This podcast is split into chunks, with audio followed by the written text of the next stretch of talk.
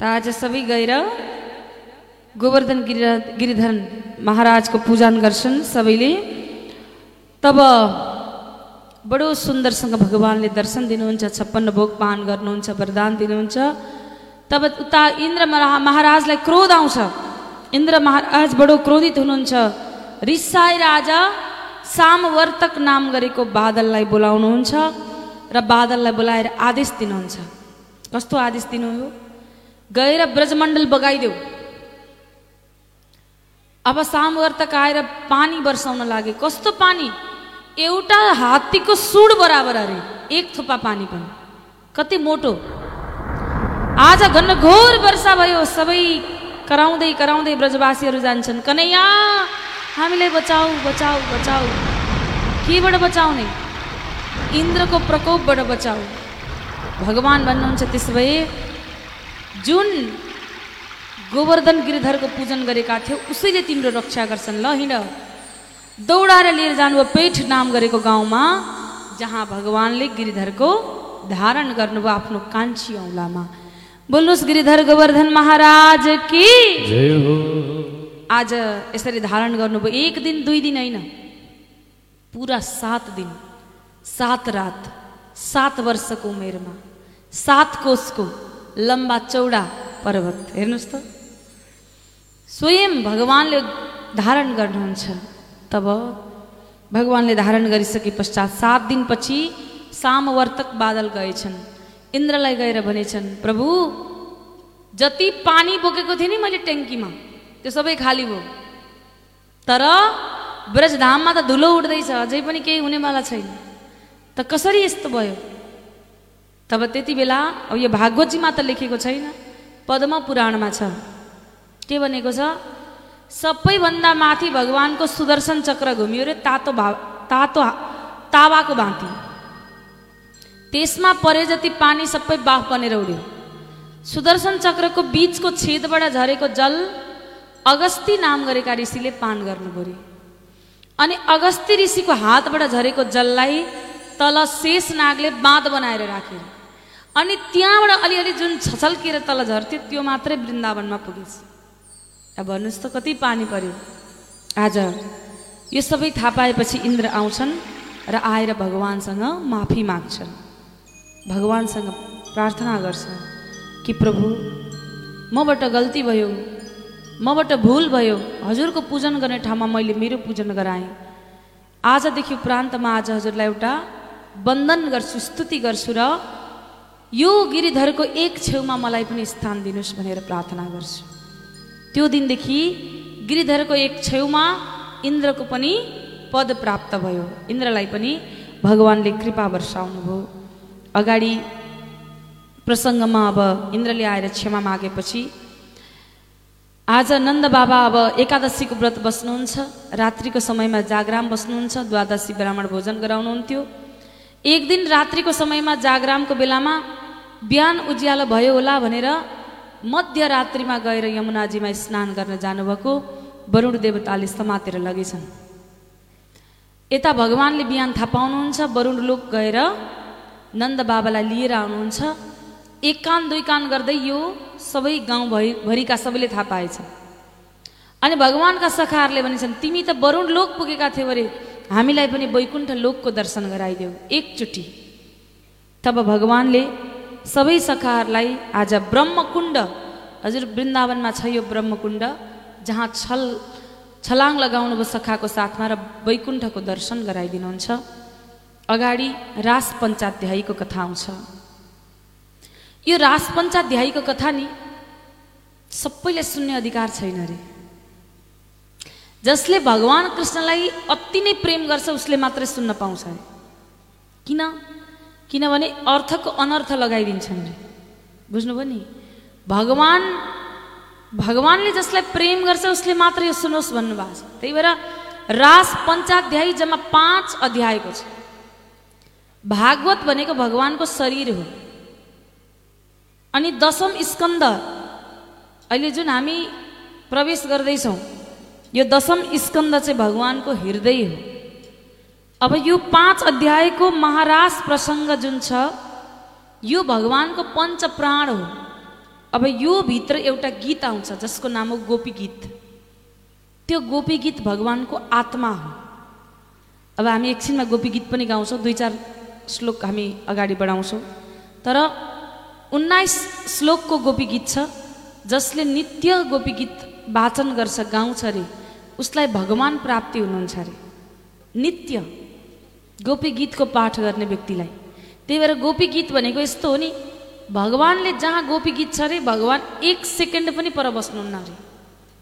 बस्नै सक्दिनँ भन्नुहुन्छ। गोपी गीत जहाँ छ भगवान् दौडेर त्यहाँ पुग्छु भन्नुहुन्छ। र आज रास पञ्चाध्यायमा अब हामी प्रवेश गरौँ। भगवान् पिता रात्रि सरोद फुल्ल मल्लिका बिच्छरन्तुम मनुष्चक्रे योग माया मुपाश्रित भनेको छ भगवान्ले आज पूर्णिमाको रात्रि शरद पूर्णिमाको रात्रिमा योग मायालाई बोलाउनु भयो योग मायालाई पुकार्नुभयो किन पुकार्नुभयो सबै गोपीको इच्छा पूर्ण गर्नु छ महारास रचाउनु छ गोपीहरूलाई भगवान्ले वचन दिनुभएको छ आशीर्वाद दिनुभएको छ। कात्यायनीको पूजन गरेर पनि नन्दको पुत्र हाम्रो पति रूपमा प्राप्त होस् भनेर सबै गोपीले मागेका थिए। भगवान् आज महारासमा प्रवेश गर्दै हुनुहुन्छ। शरद पूर्णिमाको रात्रिको समयमा ब्रह्म रात्रि बनाउनु भएछ एउटा रात्रिलाई। पुरा छ महिनाको रात्रि बनाउनु सानो होइन लामो। किन? किनभने यति छोटो रात्रिले महारास हुँदैन अब म एकैछिनपछि वंशी बजाउँदैछु। त्यो वंशीको धुन त त्रिलोकमा गुन्जयमान हुन्छ।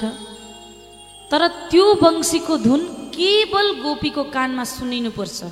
केवल गोपीको कानमा मात्रै पुगोस् भनेर योग मायालाई बोलाएर आज भगवान् त्यो सुन्दर निधिवनमा वंशी बजाउन लाग्नुभयो। वंशीको धुनले गोपीहरूलाई पुकार्न लाग्नुहुन्छ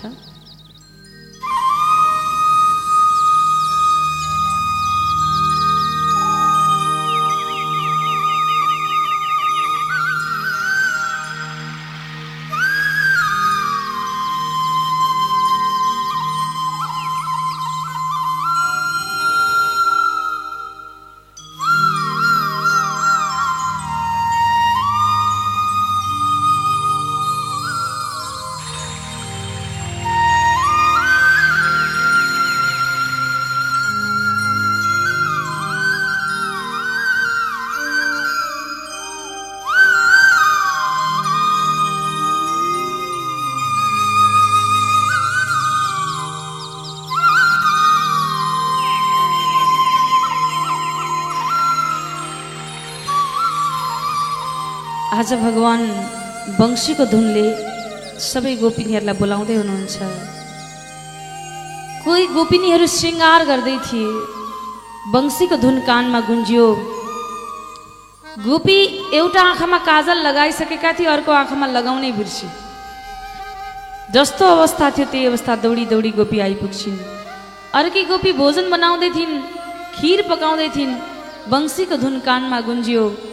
खिरमा राख्नुपर्ने सक्खर सक्खरको ठाउँमा नुन राखेर आइछ जसो तसो भोजन बनाएर दौडेर आइन् अर्की गोपी ससुरालाई भोजन गराउँदै थिइन्। त्यही बेला गाई पनि करायो त्यही बेला वंशीको धुन पनि कानमा गुन्जियो। अब सुधबुध हराएकी गोपीले ससुरालाई दिनुपर्ने भोजन गाईलाई लगेर दिन्। गाईलाई दिने भुसी ससुरालाई ल्याएर दिन्छ सुधबुध छैन दौडी दौडी भगवान् कृष्ण समक्ष आउँछिन् अर्की गोपी आफ्ना बच्चालाई भोजन गराउँदै थिइन् जसो तसो भोजन गराएर दौडेर आइन् सबै आएर भगवान् श्रीकृष्ण अगाडि उभिन्छन् भगवान्ले सबै गोपीलाई स्वागत गर्नुहुन्छ स्वागतम ओ महाभाग प्रियम किम करवाणी स्वागत छ मेरा गोपी हो स्वागत छ तिमीहरूलाई प्रिय लाग्ने काम म के गर्न सक्छु? गोपीहरू केही बोल्दैन। शिर झुकाएर बसिरहे। भगवान् भन्नुहुन्छ यो रात्रिको समयमा किन आयो? यो सुन्दर चन्द्रमा छ यति सुन्दर फुलहरू फुलेका छन्। बडो दिव्य समय छ सुगन्धित हावा बग्दैछ। नदीको कलकल यमुनाजीको आवाज गुन्जेमान छ। सुन्दर वन छ। यो दृश्य दर्शन गर। चन्द्रमा हेर तब यहाँबाट फर्किएर जाऊ। तिमीहरूका पतिले तिमीलाई खोजिरहेका हुन्। अझ के भन्नुहुन्छ? तिमीहरूको काम त आफ्नो पतिको सेवा गर्नु थियो। घरको पति छोडेर म समक्ष आयो यो त तिमीहरूले उचित गरेन। अब यति बोल्दा पनि गोपीहरू केही बोल्दैनन्। चुपचाप शिर झुकाइरहे अझै भगवान् भन्दै हुनुहुन्छ एक स्त्री थिइन्। एक साधु थिए। साधु नित्य हवन पूजन गर्थे। एक दिन साधुले हवन गर्दा गर्दै थकाइ लागेछ। आएर स्त्रीको काखमा निधाउन पुगेछन्। त्यति बेला ती स्त्रीको एक पुत्र थियो जो बामे सर्दै सर्दै यज्ञ कुण्डमा हाम फाल्न पुग्न लागेछ। तर ती स्त्रीले नेत्र बन्द गरिन्। र भगवान् अग्निदेवलाई पुकारिन् कि प्रभु यो पतिलाई उठाउँ भने पतिव्रता धर्म नष्ट हुन्छ। नउठाउँ भने मेरो पुत्र आगोमा पर्न लाग्यो। हजुर नै हुनुहुन्छ रक्षा गर्ने भनेर नेत्र बन्द गर्दा अग्निदेव प्रकट भएर सन्तान दिनुहुन्छ। तिमीहरू पनि आफ्नो पतिको सेवा गर। तिमीहरू धन्य हुनेछौ। भने पश्चात अब सुन्नुहोस् कस्तो उत्तर दिए गोपीले। ठिक छ हजुरले यत्रो बेरसम्म भाषण गर्नुभयो हामीले सुन्यौँ। अब हाम्रो पनि कुरा सुन्नुहोस् हजुर। भन एक स्त्री थिइन् एक उनका पति थिए। स्त्री पतिदेवले भोजन गरेपछि भोजन गर्ने सुतेपछि सुत्ने उनको सेवा गर्ने गर्थे। अत्यन्तै पतिव्रता थिए। तर एक दिन एक दिन उनका पति कहीँ बाहिर जाने भएछ पत्नीले भनिन् अब हजुरलाई भोजन नगराई मैले गर्ने गरेको छैन। अब हजुर उहाँ कति बेला भोजन गर्नुहोला कसरी सुत्नुहोला म यहाँ भोजन गरौँला मेरो त धर्म नष्ट हुने भयो। के गर्ने अब? पतिले भनेछन् म एउटा माटोको मूर्ति बनाएर जान्छु। तिमीले यही माटोको मूर्तिलाई म सम्झेर सेवा गर्नु। पत्नीले त्यसै गरिन् पतिदेव गए काममा आफ्नो। पत्नी जब पतिको सेवा गर्थिन् दैलो बन्द गरेर सेवा गर्थिन्। दैलो बन्द गरेर चरण दबाउने दैलो बन्द गरेर भोग लगाउने दैलो बन्द गरेर उनलाई सेवा गर्ने बडो प्रेमसँग। एक दिन सेवा गर्दै थिइन् दैलो बन्द गरेर बाहिर पतिदेव आएछन् धेरै बेर भइसक्यो ढोका ढकढक्याएको पत्नीले ढोका खोलिनन्। एक घन्टापछि जब ढोका खोलिन् तब क्रोधित भएर बाहिर भएका पतिले भनिन्छन् यत्रो बेरसम्म किन ढोका नखोलेको? तब पत्नी भन्छन् म भित्र भएको पतिको सेवा गर्दै थिएँ। अब भन त कृष्ण ती स्त्रीले सही गरिन् कि गलत गरिन्?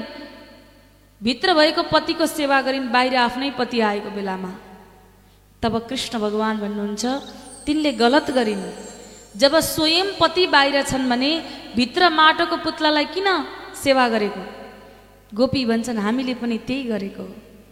जब ब्रह्माण्डका अधिपति हाम्रो समक्ष हुनुहुन्छ भने त्यो सत्तरी वर्षको असी वर्षको नाटक गर्ने पतिलाई छोडेर जन्मौ जन्मान्तरको पतिसँग जोडिन आइपुगेको भनेपछि आज भगवान् कृष्ण दङ्ग पर्नुभयो। यस्तो उत्तर दिन्थे नि गोपीहरू। गोपीको उत्तर त भगवान्ले पनि फर्काउनै सक्नुहुन्थ्यो गोपीहरू एक अक्षर पढेका थिएनन्। एक अक्षर पढेको थिएनन्। तर जब जब भगवान् कृष्णको उत्तर दिन्थे तब भगवान् स्तब्ध हुनुहुन्थ्यो। त्यो परम ज्ञानको तत्त्वको बोध गराइदिन्थे गोपीहरू। आज भगवान् प्रसन्न भएर भन्नुहुन्छ त्यसो भए भन तिमीहरूको इच्छा के छ? त तब भगवान् भन्नुहुन्छ प्रश्न गर्नुहुन्छ गोपी भन्छन् हाम्रो इच्छा छ महारास गर्ने नृत्य गर्ने. त्यसो भए ल तयार भएर बस्छ भन्नुभयो। बडो धुमधामसँग वंशी बजाएर महारासलाई अगाडि बढाउनु भयो प्रत्येक गोपीको बिचमा प्रगट भएर आज नृत्य गर्दै हुनुहुन्थ्यो। नृत्य गर्दा गर्दै गोपीहरूलाई घमण्ड भएछ। कस्तो घमण्ड? यो संसारमा हरेक हरेक मानवलाई नचाउन सक्ने हरेक मानवलाई आफूले नचाउने आज भगवान् हाम्रो बसमा भएर हामीसँग नाच्नु भगवान्ले बुझिहाल्नुभयो गोपीलाई घमण्ड चढ्यो। के गर्ने त गोपीलाई अब? ती गोपीमध्येकी एउटी गोपी जसको नाम यही मात्र छ राधा रानी त्यो पनि किशोरीजू भनेर सम्बोधन गरेको छ यही एक ठाउँमा।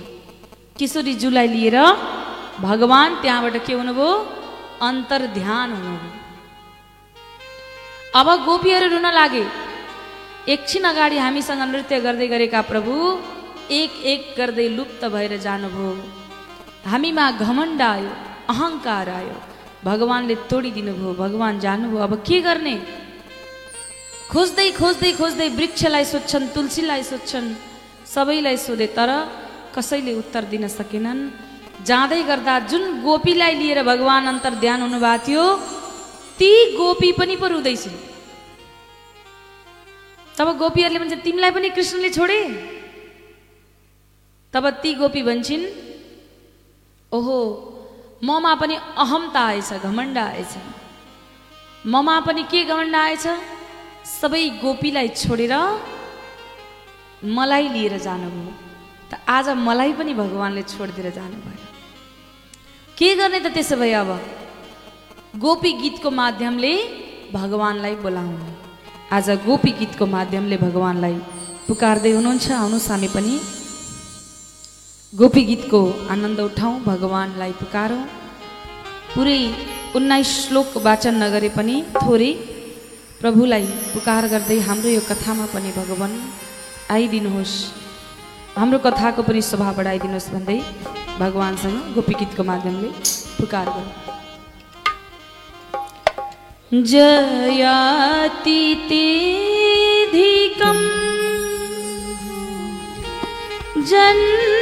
मना व्रज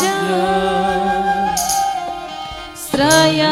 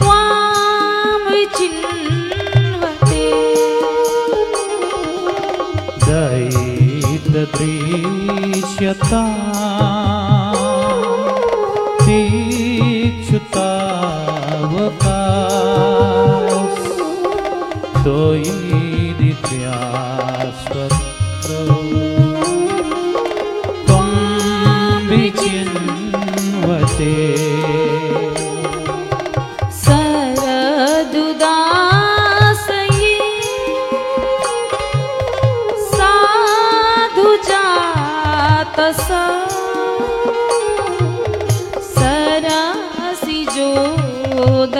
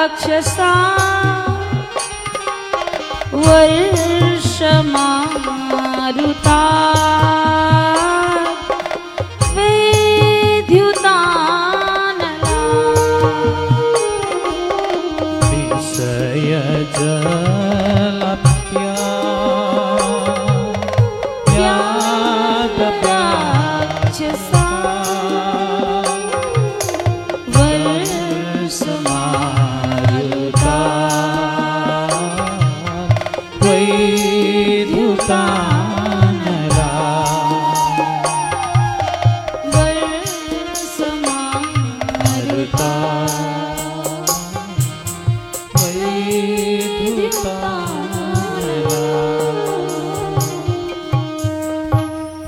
कृष्ण, हे रमण, हे पृष्ठ, हे महाभोज, हे प्रभु।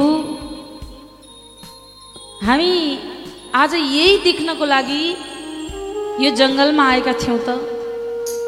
हजुरले आफ्नो वंशीले पुकार्नुभयो यहाँसम्म आयौँ आज यही जङ्गलमा आएर भौतारिँदै हजुरलाई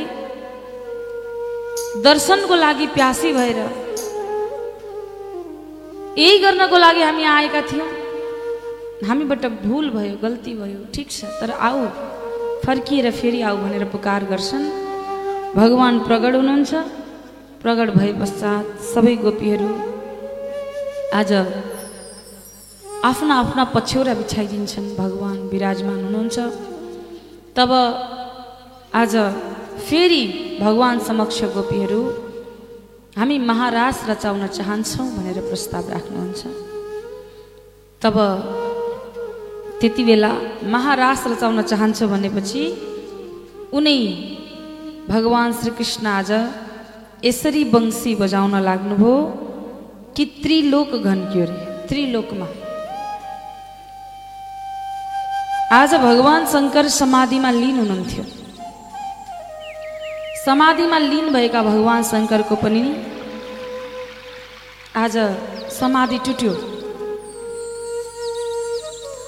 समाधि टुटिसके पश्चात यसो हेर्नुहुन्छ त माता पार्वती श्रृङ्गार गर्दै हुनुहुन्छ।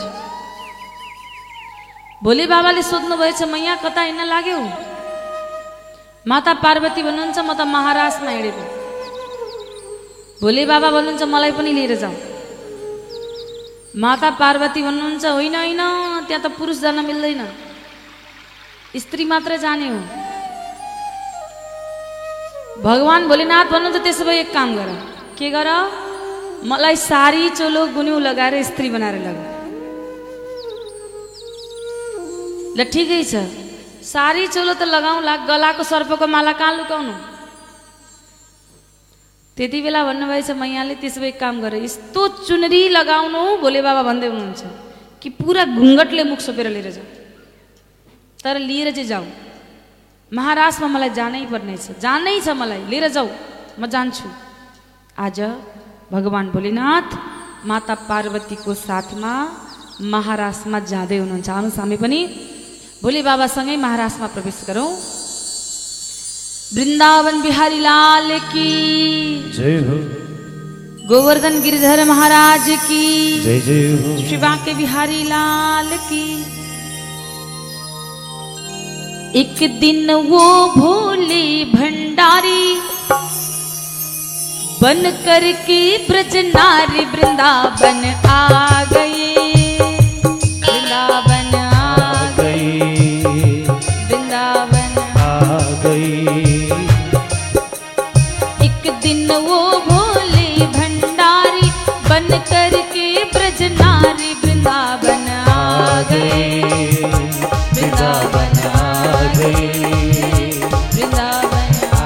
गई वृंदावन आ गई। पार्वती जी मना के हारी ना माने त्रिपुरारी वृंदावन आ गई। वृंदावन आ गई वृंदावन आ गई।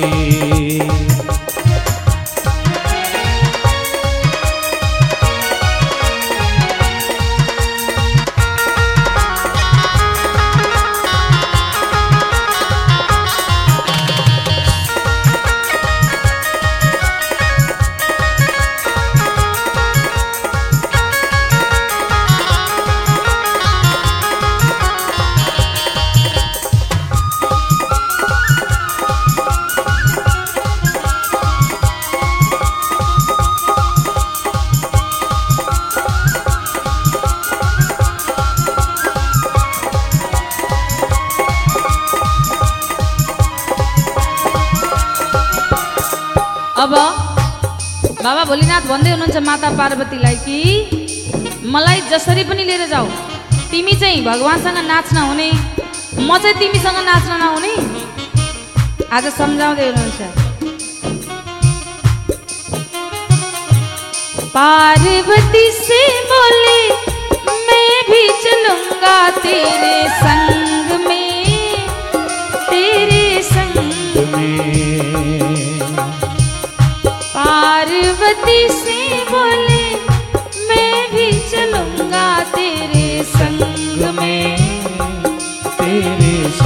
संग में श्याम संग राधा नाचे मैं भी नचूँगा तेरे साथ में। तेरे साथ में। रास रचेगा ब्रज में वारी। रास रचेगा ब्रज में वारी। हमें दिखाओ प्यारी वृंदावन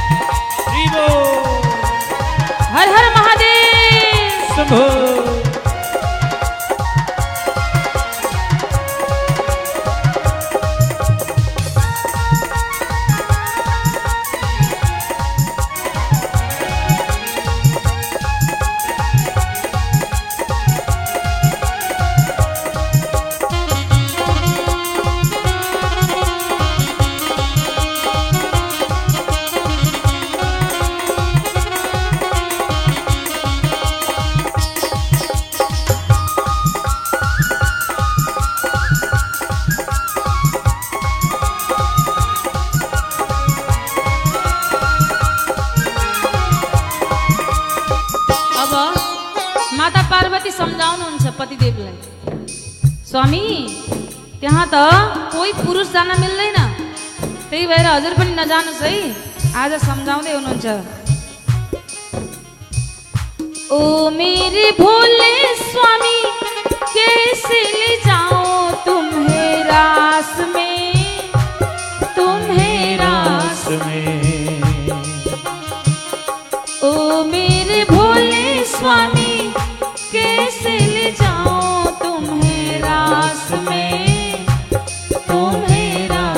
में।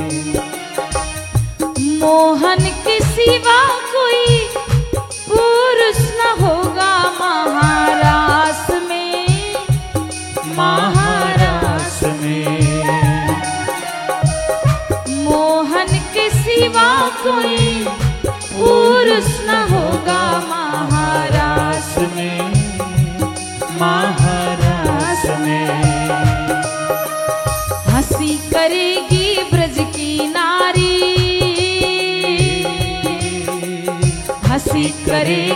ब्रज की नारी मानो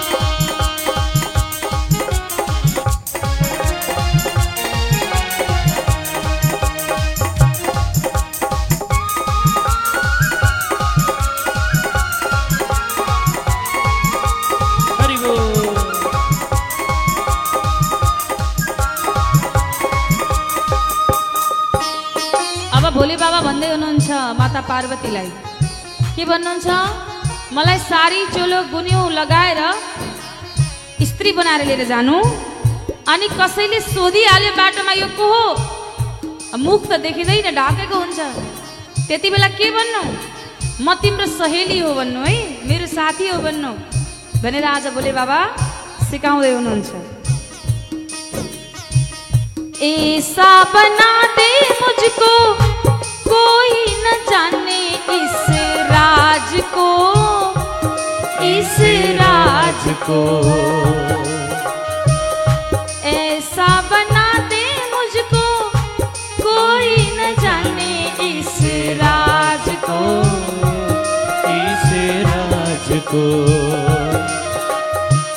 मैं हूँ सहेली तेरी ऐसा बताना ब्रज राज को को।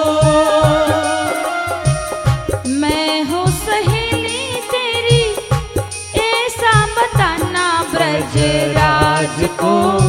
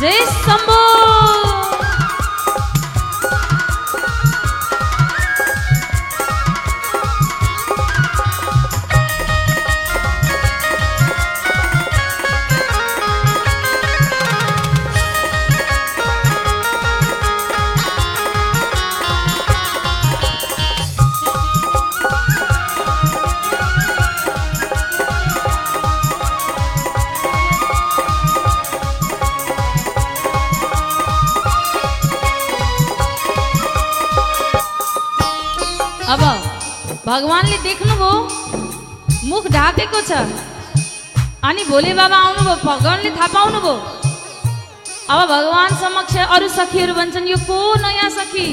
मुखै देखाउँदिन छोपेको छोपे गर्छ। यसको मुख हेर्नु पर्यो। तब भगवान्ले सोच्नु भएछ यस्तो वंशी बजाउँछु कि भोले बाबा नृत्य गरेपछि सुधबुध हराइहाल्छ सारी फुस्केको पनि थाहा पाउनुहुन्न। आज भगवान शङ्कर यसरी नृत्य गर्नुहुन्छ कि सारी फुस्क्यो शिरबाट अघि चुनरी झर्यो भोले बाबालाई थाहा छैन। तब भगवानले आज वंशी बजाउन लाग्नुभयो मोहन ने देखा जब समझ गए सब बात जी, सब बात जी। मोहन ने देखा जब समझ गए सब बात जी, सब बात जी। ऐसी बजाई बंसी सुध बुध भूले भोलेनाथ जी। भोलेनाथ जी। ऐसी बजाए बंसी सुध बुध भूले भोलेनाथ जी। भोलेनाथ जी। सिर से सरक गई जब सारी। सरक गई जब सारी मुस्कुराए गिरिधारी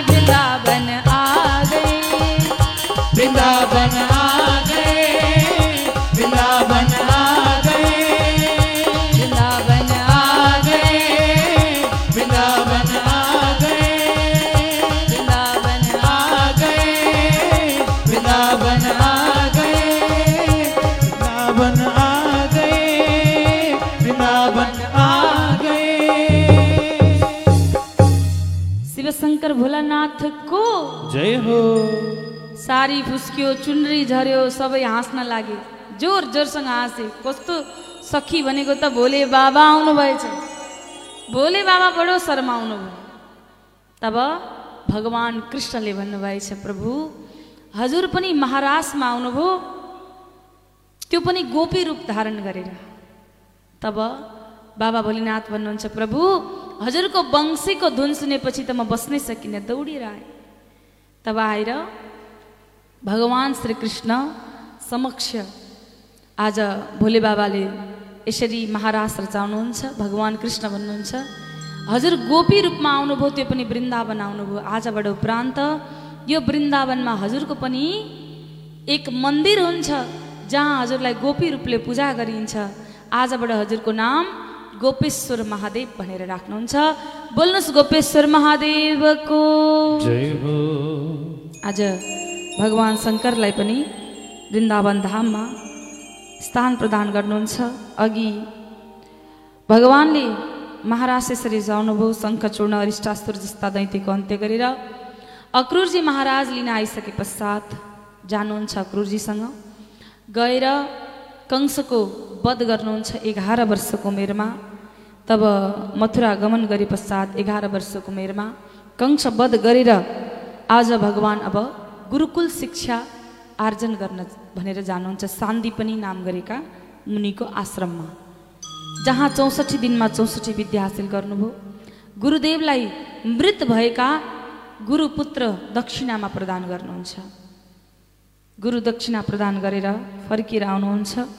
एक दिन देवकी माताले आफ्नो पुत्र कृष्णलाई माखन मिश्री खाना भनेर दिनुभएछ। माखन देख्ने बित्तिकै भगवान्को आँखाबाट बरबर बरबर आँसु झरेछ बरबर बरबर आँखाबाट आँसु झऱ्यो भगवान्लाई वृन्दावनको याद आयो। वृन्दावन म पर्सि फर्किहाल्छु भनेर आउनु भएको थियो भगवान्। तर जब मथुरा आउनुभयो नि भगवान् फर्किएर वृन्दावन जानुभयो गोपीहरूको एउटै काम थियो बिहानदेखि बेलुकासम्म केवल भगवान्को याद गर्नु। भगवान्को याद गर्नु। केवल भगवान्लाई स्मरण गर्नु। भगवान् रोएको देखेर उद्धवले भनेछन् अरे भगवान् पनि काहीँ रुन्छन्? भगवान्ले उत्तर दिन सक्नु भएन। उद्धवलाई भन्नुभयो उद्धव तिमी एक काम गर। धेरै दिन भयो यशोदा माता र नन्द बाबाको बडो याद आयो। मेरा गोपीहरूको बडो याद आयो। तिमी जाऊ। तिमी गएर वृन्दावनमा गएर ती गोपीहरू समक्ष मेरो खबर पुर्याइदियो आज आफ्नो पिताम्बर वस्त्र उडाइदिनु भयो आफ्नो रथमा सवार गराएर उद्धवजीलाई वृन्दावन धाम प्रस्थान गराउनुहुन्छ। जब वृन्दावन धाम पुग्नुभयो उद्धवजीलाई लाग्यो कि आज म कुन मरुभूमिमा प्रवेश गर्दैछु? कुन बन्जर भूमिमा प्रवेश गर्दैछु? किन सन्नाटा छाएको छ? कोही घरबाट बाहिर निस्किएका छैनन्। लाग्छ कि सुनसान कोही बस्ती नै बसेको छैन।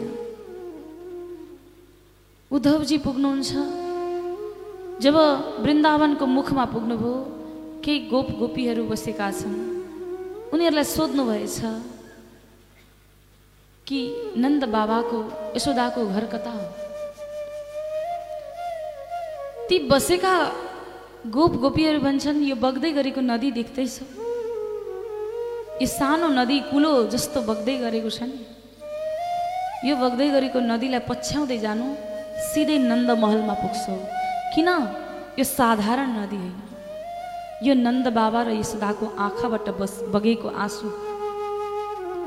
जुन दिन भगवान जुन दिन हाम्रो कन्हैया यो वृन्दावन धाम छोडेर गए त्यो दिनदेखि हाम्रो एकै काम छ केवल कन्हैयाको याद गर्नु केवल कन्हैयालाई स्मरण गर्नु तर कस्तो रहेछ कन्हैया आज यतिका वर्षपछि पनि आफू आएन कसलाई पठायो? खबर पत्रिकालाई पठाएछ। आफ्नो मित्र उद्धवलाई पठायो। हामी केवल उनको पर्खाइमा बसेका छौँ। कहिले आउँछन् हाम्रो कृष्ण? आज यही दिन देखाउन कृष्णले हामीलाई बचाएका रहेछन्। ठुला ठुला हात्तीबाट ठुला ठुला जङ्गली जनावरबाट ठुला ठुला दैत्य दानवबाट हामीलाई बार बार बचाउँथे। किन? यही छोडेर जान विरहमा बचाउन रहेछ। आज यही दिन देख्नलाई हामी यहाँ बसेका रहेछौँ तर जाऊ तिमी जाऊ नन्द बाबाको द्वारमा। आज नन्द बाबाको द्वारमा उद्धवजी पुग्नुहुन्छ। आमा आँखा कम देख्न थालिसक्नुभयो। नन्द बाबा कान कम सुन्नुहुन्छ। द्वारमा पुगेर आवाज लगाउनु भयो नन्द बाबा बडो प्रसन्न हुनुभयो। मेरो कृष्ण आयो। मेरो पुत्र आयो भनेर गएर अङ्कमाल गर्नुहुन्छ। यशोदा माता दौडी दौडी आएर अङ्कमाल गर्नुहुन्छ सुमसुम्याउनुहुन्छ। तर तर पुत्र कृष्ण होइन कृष्णको साथी उद्धव आएछन् आज उद्धवजी यसरी समाचार लिएर आउनु भएको छ आमा किन चिन्ता गर्नुहुन्छ त्यो तपाईँ मेरो पुत्र मेरो पुत्र भन्नुहुन्छ नि त्यो कृष्ण हजुरको पुत्र होइन त्यो कृष्ण त सारा संसारको पुत्र त्यो त भगवान हो यशोदा माता भन्नुहुन्छ होइन त्यो भगवान होइन। त्यो त मेरो पुत्र हो किन? मैले बार बार आमा भोक लाग्यो भनेर बार बार भनेको सुनेको छु। आमा मेरो पेट दुख्यो भनेर बार बार पुकारेको सुनेको छु। आज आफ्नो पुत्रको वियोगमा आज आमा आँखाबाट आँसु बरबर झार्दै भन्नुहुन्छ के हे उद्धव? आज तिमीले अचम्मको कुरा भन्यौ। कि कृष्ण भगवान हो म आजसम्म मेरो पुत्र हो भनेर बसेको थिएँ तर तिमीले त आज मलाई अझ पीर माथि पीर वर्षाइदेऊ किन? कृष्ण भगवान हो भन्यौ। आजसम्म मैले के सोचेको थिएँ? मलाई मात्र मेरो पुत्रले छोडेर गयो। तर तिमीले भन्यौ कि कृष्ण भगवान हो। अब भगवानले नै छोडेर गयो भने म कसको सहारा बाँच्ने अब यशोदा माता आज नन्द बाबालाई गाली गर्दै हुनुहुन्छ। अरे तिमी पापी हौ पापी। एउटा पुत्रलाई मथुरामा छोडेर आउने। तिमी पापी हौ। बरु तिमी भन्दा ज्ञानी त महाराज दशरथ थिए जसले पुत्र वियोगमा प्राण त्याग गरे। तर तिमी त स्वयं आफै गएर मथुरामा आफ्नो पुत्र छोडेर आयो। आज यशोदा माता नन्द बाबालाई गाली गर्दै हुनुहुन्छ। यस्तो दृश्य देखेर उद्धवजी चुप हुनुभयो। भगवानको द्वार नै बन्द भयो भनेको सुने पश्चात आज नन्द बाबा बडो चिन्तित हुनुहुन्छ उद्धव। म त एउटा पिरमा बसेको थिएँ मलाई एउटा पुत्रले छोडेर गयो। हजारौँ पुत्रले छोडेर जान्छन्। त्यही भावमा मैले पनि मेरो एउटा पुत्रले छोडेर गयो भनेर चित्त बुझाएको थिएँ। तर आज तिमीले अझ पिर थप्यौ कि भगवान हुन् कृष्ण। अब भगवानले मलाई छोडेर गयो भने म कसको आधारमा बाँच्ने? कसको आशा लिएर बाँच्ने? अनि तिमी भन्छौ कृष्णको याद नगर भगवानको याद गर। कसरी गर्न सक्छु? त्यो त मेरो प्राण थियो मेरो पुत्र थियो आज उसले मलाई छोडेर गयो। बार बार आज नन्द बाबा यशोदा बोलाउन लाग्नुभयो यता उद्धवजी पुग्नुभयो गोपीको साथमा। गोपीलाई सम्झाउँछु भनेर पुग्नुहुन्छ। गोपी भन्छन् हाम्रो त एकै काम छ कृष्णको याद गर्नु। उद्धव भन्छन् भगवानमा मन लगाऊ। गोपी भन्छन् उद्धव मन दस बिसवटा छैन एउटा छ त्यो पनि कृष्णले लग्यो। अब अर्को मन कहाँबाट ल्याऊ? जो भगवान्सँग जोडो कहाँबाट ल्याउने? अब आज गोपीहरूको यस्तो उत्तर सुनेर उद्धव फेरि पनि चुप भयो आज उत्तर दिने केही सक्षम नै ठानेनन् आफूलाई। फेरि भन्छन् गोपी चिन्ता नगर भगवान कृष्णको याद गर बस उनी नै भगवान हुन् हाम्रो त एकै त काम छ बस उसैको याद गर्नु उसकै यादमा हामी बसेका छौँ। बार बार सम्झाउँदा पनि नसके पश्चात आज उद्धवजीलाई जुन ज्ञानको घमण्ड थियो उद्धवजीलाई ज्ञानको घमण्ड थियो। ज्ञानले सबथोक परिपूर्ण हुन्छ तर त्योभन्दा माथि भक्ति छ भन्ने कुरा उद्धवजीले बुझ्नु भएको छैन। आज बुझ्दै हुनुहुन्छ। एक अक्षर नपढेका गोपीले जुन प्रत्युत्तर दिए उद्धवजीको त्यो उत्तर सुनेर उद्धवजी स्तब्ध हुनुभयो। नन्द बाबा यशोदालाई सम्झाउनुहुन्छ पुत्र समान पुत्रको मित्र हुन्छ भनेर बडो प्रेमसँग राख्नुहुन्छ। एक दिन बस्छु भनेर जानुभएको उद्धवजी पुरा छ महिना पश्चात आज मथुरा प्रस्थान गर्नुहुन्छ। पुरा छ महिना। आएर भगवान् कृष्णलाई भन्नुहुन्छ कृष्ण तिमी कति स्वार्थी रहेछौ। एक दिनलाई भनेर आएको मथुरा म पर्सि आइहाल्छु नि भनेर आएको तिमी एकचोटि पनि वृन्दावन नजाने तिमी कति स्वार्थी रहेछौ। एक पटक त गोपीको याद गर एक पटक त आफ्ना माता पिता यशोदाको नन्द बाबाको याद गर। यशोदा आज छटपटाएर बसेकी छन् आमा। मैले कहिले ओखलमा बाँधेँ मेरो छोरोलाई। कहिले मैले छडी देखाएँ होला कहिले धम्की दिएँ होला कहिले गाली गरेँ होला आज त्यही सोचेर मेरो छोरो आएन। बार बार पुकार्नुहुन्छ बार बार आफ्नो पुत्रलाई सम्झिनुहुन्छ। तिमी एक पटक त जाऊ कृष्ण तिमी यति निर्दय नबन। तिमी धेरै निर्दय भयो। जाऊ एकचोटि ती गोपीका इच्छा पुरा गर एकचोटि ती आमा यशोदालाई हेर बाबा नन्द बाबालाई हेर। त्यो वृद्ध अवस्थामा पुत्र वियोगमा बसेका छन्। जाऊ आज बडो सम्झाउनुहुन्छ। भगवान् कृष्ण भन्नुहुन्छ म गएँ भने फेरि यो कंसको ससुरा जरासनले फेरि त्यो वृन्दावनमा हमला गर्न पुग्छ। म यति प्रेम गर्छु भन्ने थाहा पाएँ भने पहिलो शिकार उनीहरूलाई बनाउँछ। त्यस कारण म जान सक्दिनँ। आज यसरी गोपीहरू भगवान् कृष्णलाई स्मरण गर्दै बार बार पुकार्छन् बार बार। हे कृष्ण हजुरले त माया मार्नुभयो हे। कृष्ण हजुरले त माया मर्नुभो हे। कृष्ण हजुरले त माया मर्नुभो हे कृष्ण हजुरले त माया मर्नुभो हो माया मर्नुभो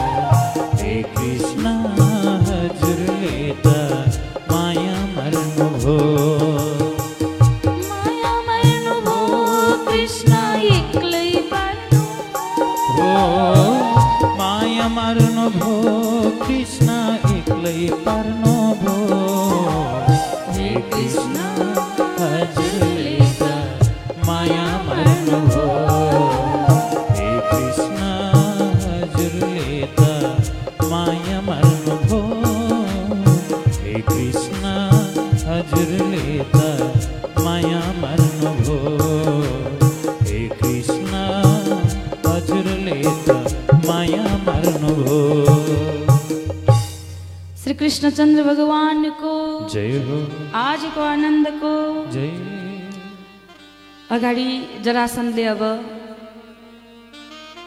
बार बार मथुरातर्फ हमला गर्न लाग्छन्। सत्र पटक हराउनुहुन्छ र पठाइदिनुहुन्छ र त्यहाँ असुरक्षित महसुस गरे पश्चात मथुराका सम्पूर्ण भक्तजनलाई द्वारकापुरीमा लगेर स्थानान्तरण गर्नुहुन्छ सार्नुहुन्छ र लगिसके पश्चात अब बलरामजीको विवाह गर्ने समय आउँछ। बलरामजीको विवाह गर्ने समय आयो। बलरामजी रेवत राजाकी पुत्री रेवतीसँग बलरामजीको विवाह हुन्छ भने अब भगवान् श्रीकृष्णको विवाहको समय आउन लागेको छ। अब भगवान्को विवाहमा भगवान्को विवाह भारी सभाको बिचमा रुक्मणी मातालाई हरण गरेर भगवान्को विवाह हुन्छ। अब यो प्रसङ्गलाई अलि विस्तार रूपमा बताइदिनुहोस् भन्नुहुन्छ। तब परीक्षित महाराज समक्ष आज सुखदेव स्वामी भन्नुहुन्छ। विदर्भ देशका राजा थिए जसको नाम थियो भीष्मक। भीष्मकका पाँचवटा पुत्र थिए रुक्मी रुकमरथ रुकम बाहु रुकम केश र रुकम माली र एउटी पुत्री थिइन् जसको नाम थियो रुक्मिणी। जेठो छोरा थिए रुक्मी। अब भीष्मक राजाका पुत्र रुक्मीले आफ्नो मित्र शिशुपालसँग उनको बहिनी रुक्मिणीको विवाह गर्ने निर्णय गरेछन् यो खबर चाहिँ रुक्मिणी माताले थाहा पाउनुभयो। तब रुक्मिणी माताले खबर सुन्ने बित्तिकै के गर्नुभएछ? एउटा पत्र लेख्नुभएछ। कस्तो पत्र लेख्नुभयो? आज कसलाई लेख्नुभयो? द्वारकाधीशलाई यानि कि भगवान् श्रीकृष्णलाई। एक पत्र लेख्नुभयो अनि त्यो पत्र चाहिँ छिटोभन्दा छिटो एक ब्राह्मण देवलाई बोलाएर भन्नुभएछ। हजुर लगेर द्वारकापुरीमा द्वारकाधीशलाई पुर्याइदिनुहोस्। तब द्वारकापुरीमा द्वारकाधीशलाई पुर्याइदिनुहोस् भने पश्चात आज ब्राह्मण देव त्यो पत्र लिएर जानुहुन्छ। गएर भगवान् श्रीकृष्ण समक्ष खबर पुर्याउनु भयो भगवान्ले आफू बस्ने सिंहासनमा बसाउनुभयो र ब्राह्मणलाई भन्नुहुन्छ आजसम्म मैले ब्राह्मणसँग केही पनि छुपाएको छैन। हजुर नै यो पत्र पढेर सुनाउनुहोस्। जब ब्राह्मण देवले पत्र पढ्नुहुन्छ पढ्दा रुक्मिणी माताले त्यहाँ लेख्नु भएको छ हे श्याम सुन्दर हे द्वारकाधीश नारदजीको मुखारबिन्दबाट हजुरको प्रशंसा श्रवण गर्दा गर्दै मैले हजुरलाई पति रूपमा स्वीकार गरिसकेको छु। यो पत्र प्राप्त गर्ने बित्तिकै हजुर हजुर चाँडोभन्दा चाँडो आएर मलाई हरण गरेर लिएर जानुहोस्। किन? किनभने मेरो दाजु रुक्मीले मेरो विवाह उहाँको मित्र शिशुपालसँग गराउन तयारी गरिसकेका छन्। अब यसकारण युद्ध नगरिकन हाम्रो चलन के छ? कुलदेवीको पूजन गर्ने चलन छ।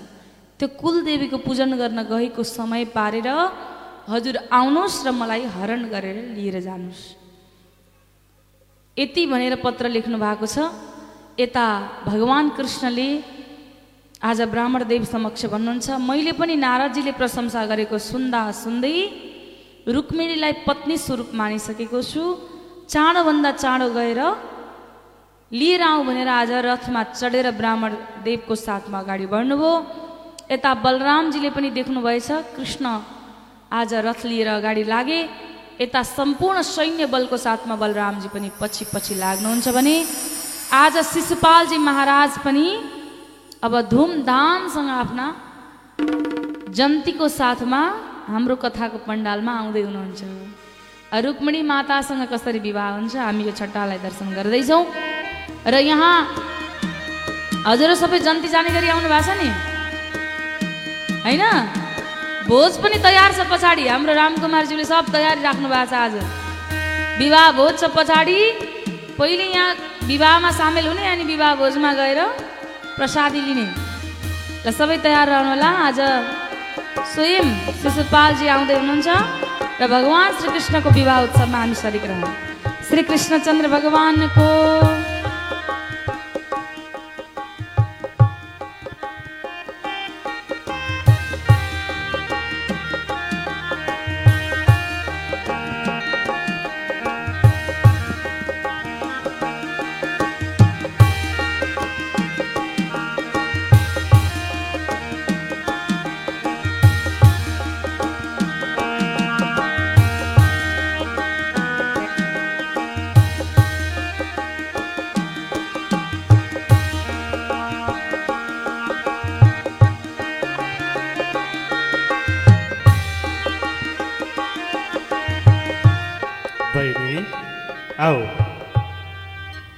आज तिम्रो विवाह मेरो बै मेरो प्रिय मित्र शिशुपालसँग हुँदैछ। आऊ बहिनी अब सायद जन्ती लिएर आउँदै पनि होलान्। अब प्रतीक्षा गर्दै गरौँ।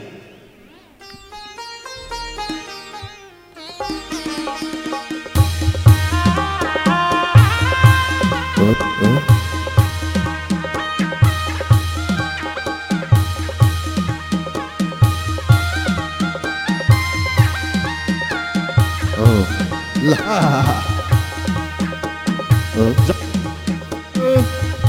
खै त खै जन्ती तयार हो तयार भयो जन्ती भयो साइपाटहरू तयार भए तयार छन् तयार छन् कताको यतै छन् यतै तयार सिलके ढोलके बन्दुके सबै तयार होइन त सबै तयार छन् पञ्चे बाजा। खै पञ्चे बाजा पनि तयार छन् बाटो खाली। जन्ती आउ ल जन्ती जानु पर्यो ल ल त ल ल जाउँ है जाउँ नाच्दै गाउँदै सब ल, जाउँ, बाह्र जाउँ। शिशुपालको बेमा जन्ती जानु पर्यो ल ल. है त खै। जन्ती कम्ती हो नि। खाली बाटो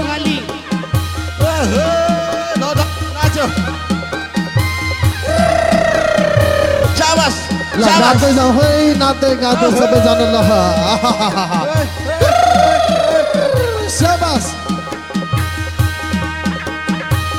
ल अघि साइबाट अघि गाउँ ल बिस्तारै बिस्तारै बिस्तारै हो जति खै ओहो, जाऊ जाऊ जाऊ न नाच्नु बस्छ काका जाऊ शाबास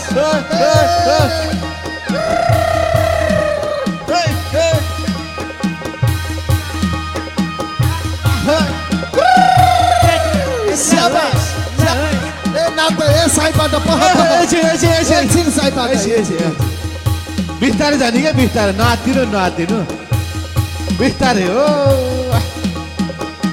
नाच्यो जन्ती। जन्ती खै जन्ती।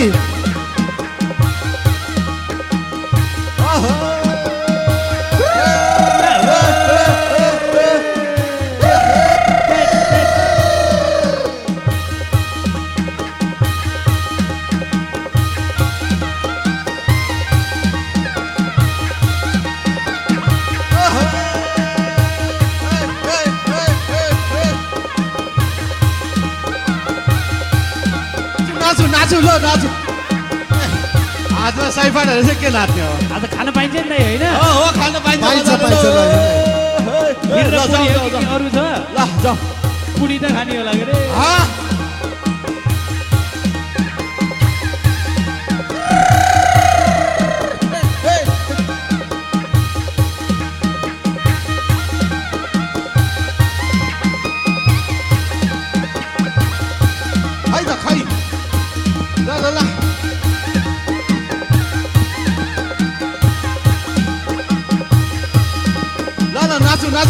ल नाच नाच भुइँमा पार्न राखौ राखौ। नाचु भुइँमा भुइँमा हो खै खै त खै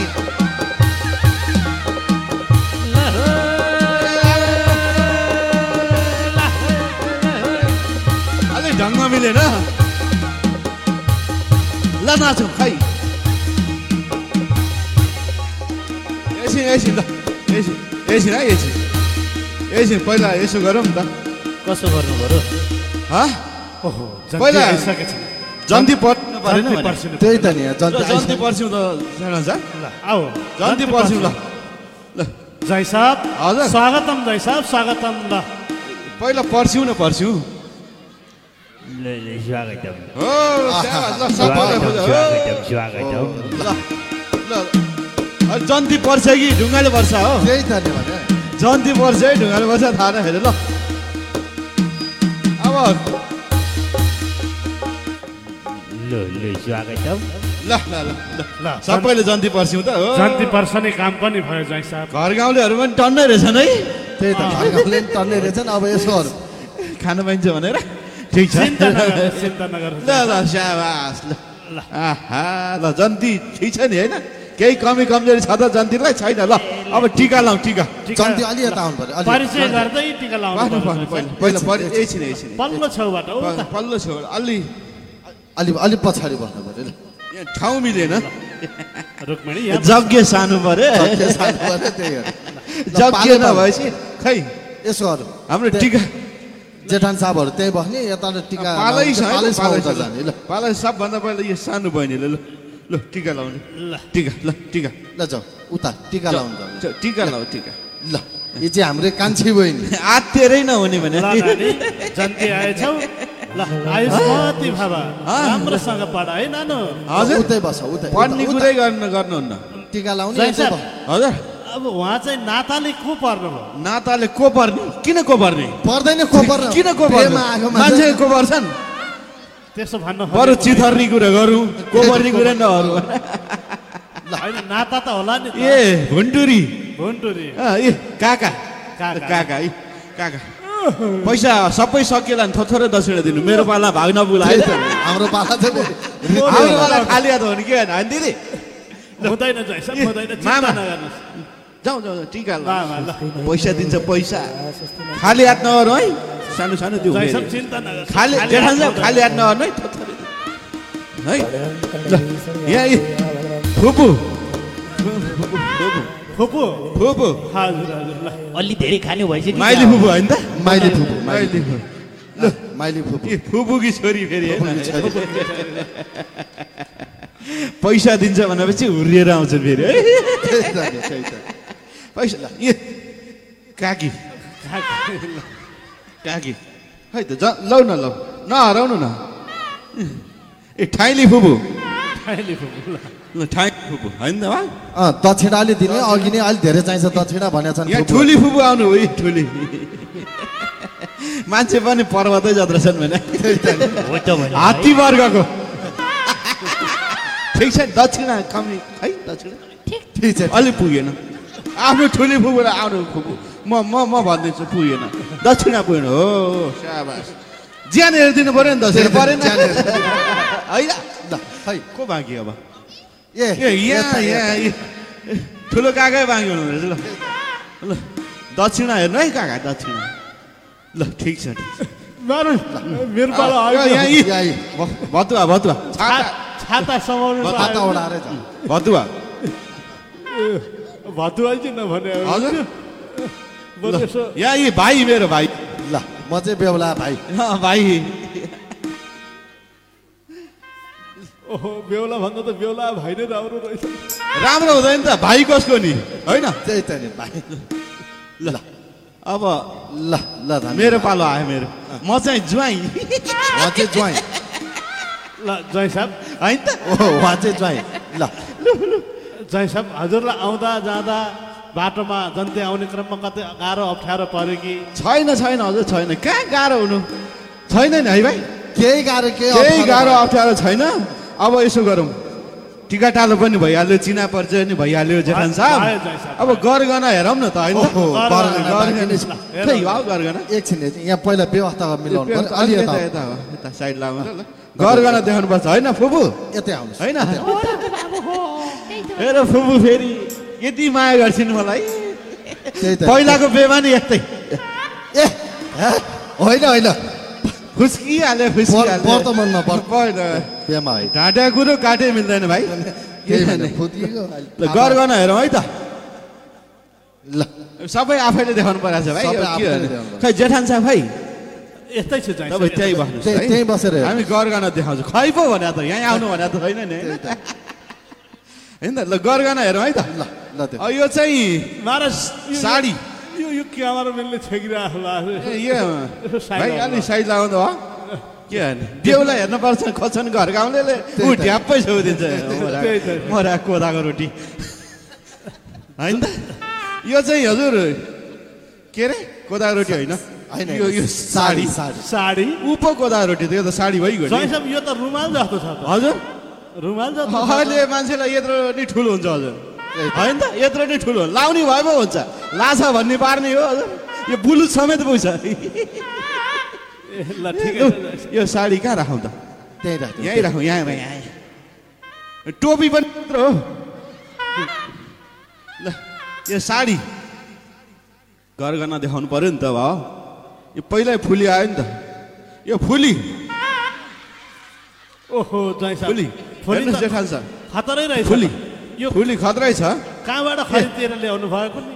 यो यो चाहिँ फुली हुन त्यो चाहिँ ठुली परेछ। दाजु यो। जन्तीहरूले जन्तीहरूलाई बसाल्नुहोस् त अलि छेकियो जस्तो जन्तीहरू सबैलाई बसाल्नुहोस् त। कहाँ बसाल्नु? कस्तो माया गरेर कहाँ बसाल्नु?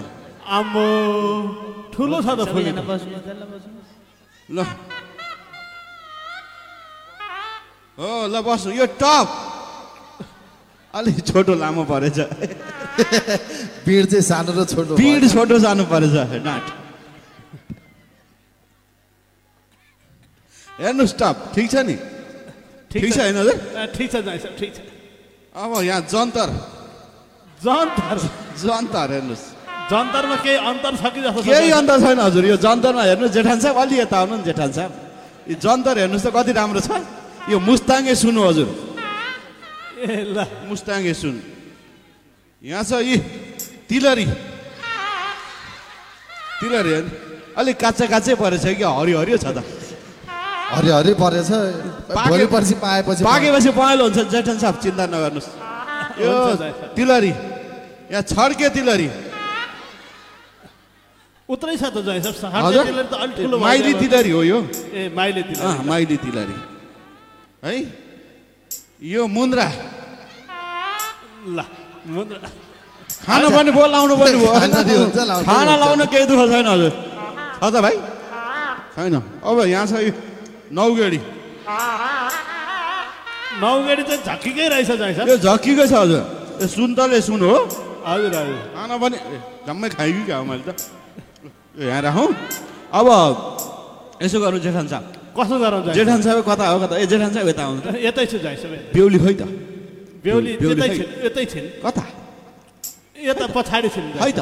यहाँ बसिरहेको छ एउटै देखिन् त म त। त्यता होइन जय साहब कहाँ कता? कता हेर्नु भएको उता घर देखाइदिनु न घर।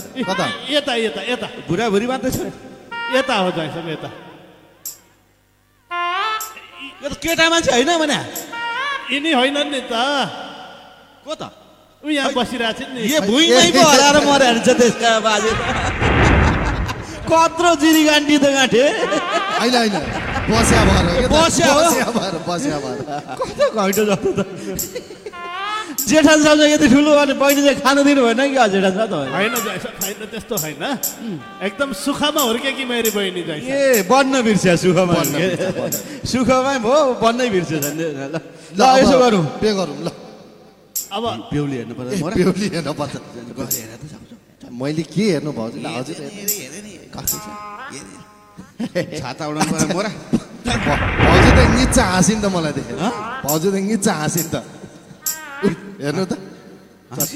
राम्रो छन्।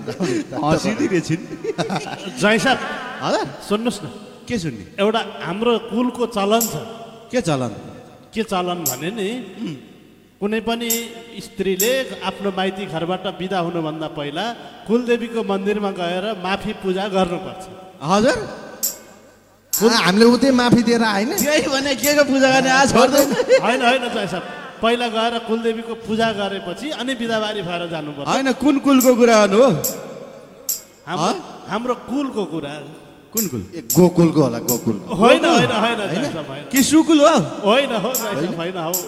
कुन कुल भने त? कि चुकुल हो? हाम्रो कुल देवता ए, यस्तो, यस्तो। कुलदेवीको मन्दिरमा। दिवाली रे दिवाली। पूजा? होइन होइन होइन। कुलदेवीको ए मन्दिरमा कुल देवीको मन्दिर। जाउँ त जाउँ हामी पनि जाउँ। हजुर कुटुम्बले जान मिल्दैन जय साहब। मिल्दैन? बहिनी- गएर? पूजा गरेर आउँछ मिल्दैन छोरा मान्छे जान मिल्दैन। हो? तपाईँ त छोरी मान्छे हो त भने। म जाने होइन जय साहब। म जाने होइन बहिनी जान्थिन् ल। ल ल ल यसो गरौँ। पहिला बेहुली हेरौँ अनि त्यसमा ल। फेरि उहाँलाई साट्यो भने त बर्बाद हुन्छ ल हेर्नु हेर्नु। ल हेर्नु त। कस्तो कस्तो लाग्यो हेर्नु भयो नि पहिलाकै राम्री थिइ मोरा। पहिला हेतेरिका नभन्नु न सुन्छन् अरूले। ल ल ठिक छ ठिक छ ल। ल ल जय साहब हजुरहरू यसो नाच्दै गर्नुहोस्। ल, हामी नाचौँ ल, नाच्दै हामी। नाचौँ है त ल नाचौँ। नाचौँ नाचौँ नाचौँ गएर होइन के भयो? यो किन चिप्लेको फेरि तपाईँ तैलामा? झन्डै लड्यो भने ल नाचौँ ल। म- मलाई त पोखिनु भयो नि त। हतारमा टोइलेटको चप्पल लगाएर आइछु भने कहाँ हुन्छ त? ल हेर ल जुत्ता लाउनु पर्छ नि दाई पनि। हतार भयो नि त। ल नाचौँ ल। ल नाच ल अब सबैजना आउनु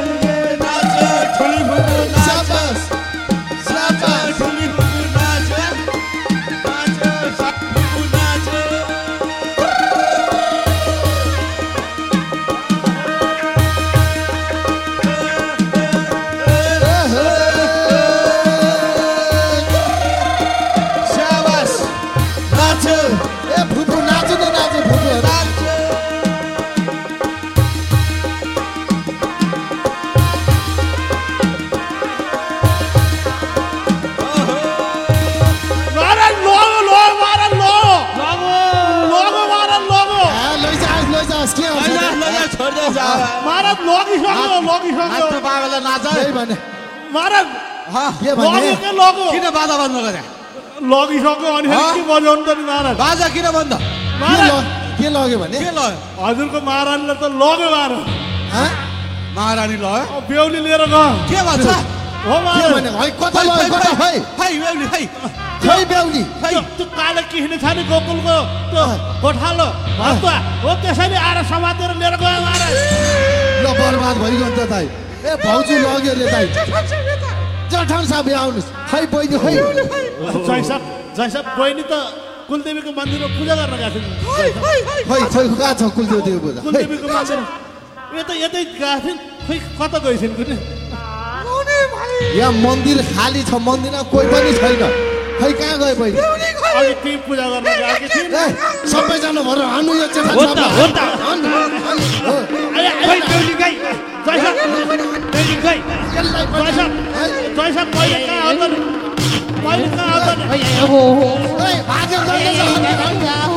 सुन्नुहोस् आजको सात ल। दिन भित्रमा मैले मेरो बहिनी फर्काएर ल्याउन सकिनँ भने कता भाग्यो फेरि। म यहाँ फर्केरै आउँदिनँ।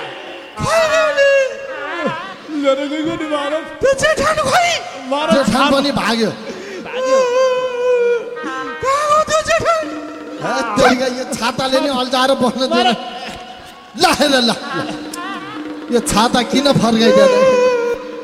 छाता फर्क्या जसरी मेरो जिन्दगी फर्क्यो भाइ। हो त भने है। हजुरको आवाज के भयो महाराज यस्तो बेहुली त भागी भागी मेरो सोरै समझेर भागी राम राम राम राम राम। बर्बाद बनाइहालिने बर्बाद। बेहुला भनेर थिम बौला भनेर जाने भाइ भाइ। आम्बो खतम पो भएछ हौ। ल अब फेरि यो कोट पनि खोल्नु ए? लाउन सम्झाउनु पर्यो ए महाराज ग्यार्नु थाल्नु किति भन्छ हौ। ल अब यो के गरे होला नि हे भगवान्? चुनेर मर्छु। ए कहाँ मर्न लाग्यो हे त्यतिका मर्न हुँदैन ए आउनु न आउनु यहाँ छैन मर्नु मर्नु हुन्न, एउटा जुत्ता अरे अर्को जुत्ता पाइन्छ क्या? यसो त मरिहाल्नु हुन्न नि त तैसँग होइन तपाईँ के भयो दाइ? खुट्टा भयो जुत्ताको के दुःख के दाइ ए भगवान् हेर्नुहोस् अब हामी त्यो रुक्मिणीलाई बर्बादै भयो दाइ बर्बादै भयो। त्यतिका। अब केही नगर्ने त्यो रुक्मिणीलाई देखाएर अर्को राम्री यतैतिरको केटी खोजेर झ्याम झ्यामी बे गरेर देखाउनु पर्यो। मेख मार्नु परेन। यो चाहिँ कतिको कुरो यो फेरि किन कराइरहन्छ यो? मान्छेलाई पिर परिरह होइन एउटी राम्री यसो मलाई न न न, नमर्नु दाइ नमर्नु मेरो नि मेरो नि बिहे गर्ने बेलामा आएको थियो भनेर भन्यो नि त यहाँ यो बिजोग छ। त्यो टिपाओ अहिले खान पर्ला नि अहिले हिँड्न ल अब। किन छोड्ने महाराजको स्वरै गए जस्तो छ हजुर। अब हेर्नुहोस् हामी सम्झाउँछौँ पिर नलिनुहोस्। कहाँ भाग्यो भाग्यो। आजको सात दिनभित्र बेहुली फिर्ता ल्याइनुहोस् भने। के गर्छु थाहा छ तँलाई? के गर्ने? के गर्ने के गर्ने? के गर्नु जेठानलाई? अर्को बिहा गर्ने। मर्ने गरी हाल्नु भए नै हुन्थ्यो। होइन हजुर। जाउँ आऊ अब। महाराज बाजा बजाउने हो नरुन दाइ नरुन। बाजा बजाउने यहाँ आफ्नै बाजा बसिरहेछ। बिजोग भयो त बिजोगै भयो नि। नरुनु दाइ नरुनु हि हि गरेर कति रुनुहुन्छ हजुर। लौ न ल तेरिका नरुन न दाइ नरुन। भाइ। हजुर। ल हेर ए भगवान् दाइ पिर नलिनुहोस् न पिर नलिनु। आफूलाई सम्हाल्नुहोस् दाइ के गर्ने? हजुर।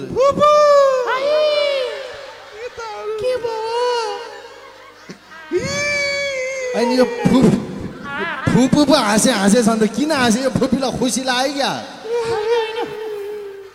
मान्छेलाई यत्रो पिर परिरहेको फुप नि। त्यही त नि बाबु चिन्ता नगर अब तिम्रो भुपुले काम चलाऊ अहिले हजुर लौ न छिटो कहाँ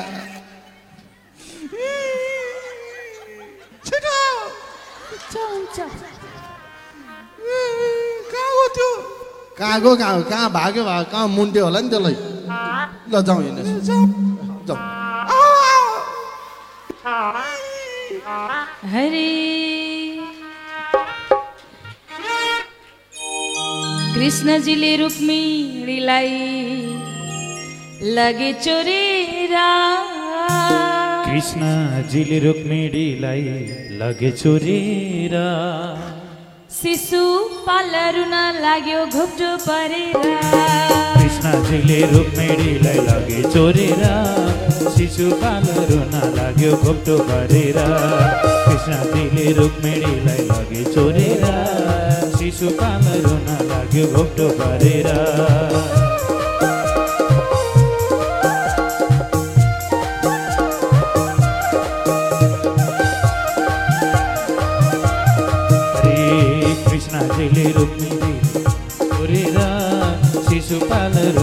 लाग्यो घोप्टो परेर। कृष्णजीले रुक्मिणीलाई लगे छोरेर शिशुपाल रुन लागे घोप्टो परेर। हरि हरि शिशुपाल रुन लागे घोप्टो परेर। हरि शिशुपाल रुन लागे घोप्टो परेर। रुक्मिणी रमण भगवान को श्री कृष्ण चन्द्र भगवान को अब हजुरहरूले भगवान श्री कृष्ण माता रुक्मिणीको विवाह हुँदैछ। यो उत्सवमा छम छम नृत्य गर्नलाई सबैजना उठेर र सुन्दर भजनमा भगवान श्री कृष्णको विवाह हुँदैछ उत्सव हुँदैछ। आउनुहोस् आनन्द लिउँ श्री कृष्ण चन्द्र भगवानको रुक्मिणी मैयाको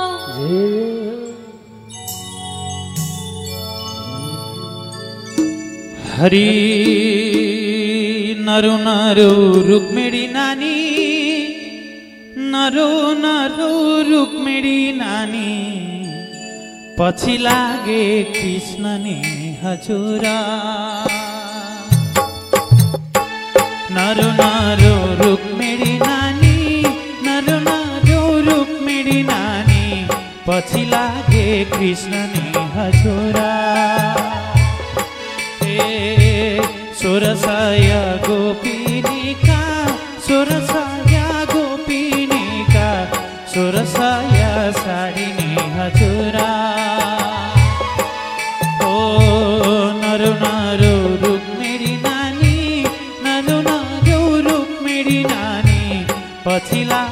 કૃષ્ણની અધુરા